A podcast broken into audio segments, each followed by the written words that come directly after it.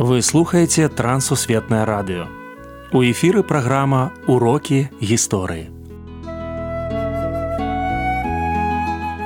Запрашаем у падарожжа падзей, асоб і фактаў.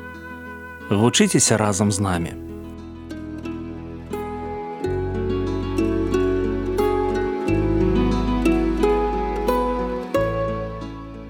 Добры дзень сябры перад мікрафонам сяржук брышцель і кандыдат гістарычных навук Андрусь унучак. Сёння мы пагаворым пра алаізу пашкевич прывітанне Андрусь. Прывітанне сяржук. Прывітанне шаноўна слухачы. Алаіза пашкевич і яе літаратурныя псевданімы алаіза пашкевич мела некалькі літаратурных псевданімаў найбольш такі распаўсюджаны цётка. З гэтым псевданімам яна і ўвайшла ў гісторыю беларускай літаратуры што яна атаясамляе сябе з народам. Таму што ў народзе вось быў такі зварот дзядзька і цётка. Ось там быў дзядзька карузя так каруська ганец і цётка алаіза алаіза пашкевич таксама яна выкарыстоўвала псевданім гаўрыла ці гаўрыла з полацку ну мяркуючы так па ўсім што гэта у адпаведнасці з прыказкай не адзін гаўрыла ў полацку што яна адзін з беларусаў. У яе былі псевданімы якія адносілі ось яе творчасць да мацея бурачка францішка багушевича таксама звязаныя з такой вось рэвалюцыйнай дзейнасцю. І сапраўды літаратурныя псевданімы яе сведчаць толькі пра адно што яна імкнулася быць народнай паэтэсай. Народнай не ў сэнсе фармальным а ў сэнсе фактычным. Сям'я і адукацыя. Нарадзілася яна у лідкім павеце у шляхецкай сям'і. У яе бацькі было 100 гектараў зямлі. Гэта даволі такі ну сярэдняй рукі шляхціц Яна мела двух братоў, даволі такая заможная сям'я, атрымала добрую адукацыю, скончыла гімназію э, і вучылася ў вучэльні веры прозаравай. Пазней у Петербургу вучылася, таксама была навучэнкай львоўскага універсітэта філасофію вучыла там і гісторыка філалагічны факультэт яна скончыла ў Львове калі была на эміграцыі. І таксама слухала лекцыі ў кракаўскім універсітэце. Таму гэта ну вельмі такая адукаваная чына таго часу. Беларуская літаратура і беларускі нацыянальны рух беларуская літаратура яна была просто неаддзельна ад беларускай нацыянальнай руху тому что на той момант это пачатак 20 стагоддзя не было беларускіх фактычна выданняў яны з'явіліся легальных. Яны з'явіліся толькі у 1906 годзе это газета наша доля і наша ніва але яшчэ перад гэтым алаіза пашкевич цётка яна публікавала свае вершы у нелегальных выданнях. Это калядная пісанка і велікодная пісанка 1903 1904 гадоў яна ўваходзіла у круг беларус беларускай народнай прасветай культуры. А заснавалі гэты круг беларускай народнай прасветай культуры э, браты Іван Антон луцкевич і вацлаў івановскі якія ў прынцыпе былі і заснавальнікамі першай беларускай палітычнай партыі якая назвалася беларуская рэвалюцыйная грамада таму сувязь непасрэдна іміграцыя і вяртання у 1905 годзе алаіза пашкевич уключаецца рэвалюцыйны рух. Гэты рух ён ахапіў усю расійскую імперію і здавалася што вельмі хутка прыйдуць змены на той момант царызм ён пайшоў на выразныя саступкі. Мікалай другі апублікаваў маніфест аб свабодах 17 кастрычніка 1905 году які абвешчаў свабоду слова сходаў мітынгаў. Дзякуючы чаму і з'явілася вось магчымасць легальнага беларускага кнігадрукавання і выдання беларускіх перыядычных выданняў. Але тых людзей якія ўдзельнічалі ў рэвалюцыйным працэсе а яна ўдзельнічала ў мітынгах яна выступала у таких нелегальных гуртках. Для тых людзей ўсё адно распаўсюджваўся вось палітычны пераслед. І таму 906 годзе яна просто вымушана была пакінуць расійскую імперію пераехаць у Львоў яна там жыла пазнаёмілася з мітрапалітам Андреем шаптыцкім мітрапалітам уніянскім і знаходзілася на эміграцыі 6 гадоў у 1912 годзе яна вярнулася змагла вярнуцца ў вільню ну дзякуючы таму што яна выйшла замуж і яе прозвішча ўжо было не пашкевіч а кейрис. Яна выйшла за інжынера сцяпонаса кейриса.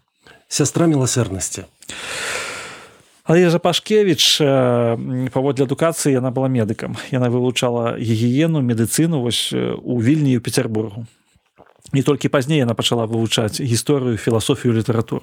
І у час першай сусветнай вайны яна пайшла ў шпіталь. Яна працавала як сястра міласэрнасці і дапамагала параненым беларусам таксама яна змагалася з хваробамі. Эпідэмія тыфу была ад якой дарэчы яна і памерла просто што яна была сярод хворых. Яна лякавала напрыклад людзей якія былі паранены ляжалі ў шпіталях. Вось Масім гарэцкі знаходзіўся ў шпіталі у вільні. Яна дапамагала тым людзям якія ну страцілі ногі руки яна была вельмі спрактыкаванай лекаркай і вось гэта сястра міласэрнасці яна так і ўвайшла ў гісторыю беларускага руху як чалавек які бярэ на сябе боль іншых людзей.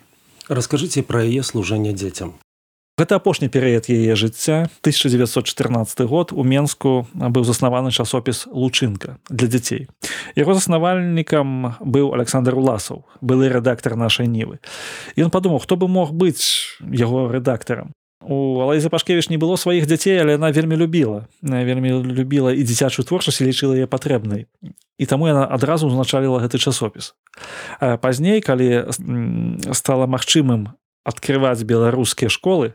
Яна была сярод першых настаўнікаў віленскай беларускай школы адкрытай у 1915 годзе і адначасова яна была выкладчыцай на беларускіх настаўніцкіх курсах. То бок яна сама вучыла дзяцей і рыхтавала настаўнікаў якія павінны былі вучыць дзяцей. І ў гэтым сэнсе ну сапраўды да апошніх дзён свайго жыцця памерла яна ў 40 гадоў яшчэ ёй не было нават 40 гадоў у лютым 1916 году яна займалася служэннем дзецям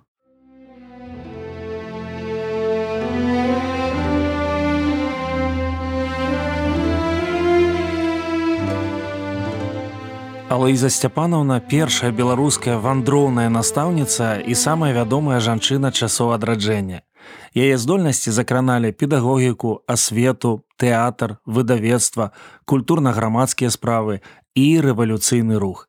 Цётка была асоба яркай і таленавітай. Валянціна Коўтун сведчыла, рознабаковая творчасць цёткі увабрала ў сябе ўсё лепшае з педагагічна выхаваўчай мудрасці народа. Большасць выданняў паэтэсы сёння бібліяграфічная рэдкасць. Па-першае, яны ствараліся ў перыяд забароны ці абмежавання беларускага друку. Па-другое, не перажылі першую і другую сусветныя войны. Даследчыкі называюць Алаізу Пашкевіч нацыянальным культурным феноменам. У гонар пісьменніцы пастаўлены помнікі, адкрыта мемарыяльная дошка, яе імем названа школа і адна з бібліятэк беларускай сталіцы, а таксама вуліцы ў мінску маладзежня і шчучання. З успамінаў мужа мы ведаем, што яна ў сваю творчасць заўсёды ўкладала душу.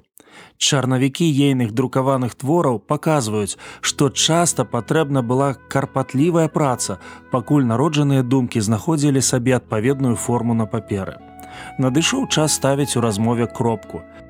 Сённяшні ўрок вялікі талент суправаджае вялікая праца.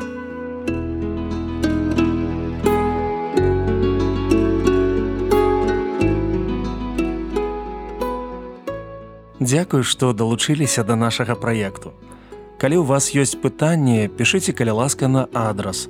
Трансусветнае радыё, урокі гісторыі. Паштовая скрынка 45, індекс 22 40 20, горад Брест 20, Беларусь. Пакідаю для сувязі электронную пошту rmtwr.by сабачка gmail.com Шукайце нас на сайце twr.fm. Да новых сустрэч!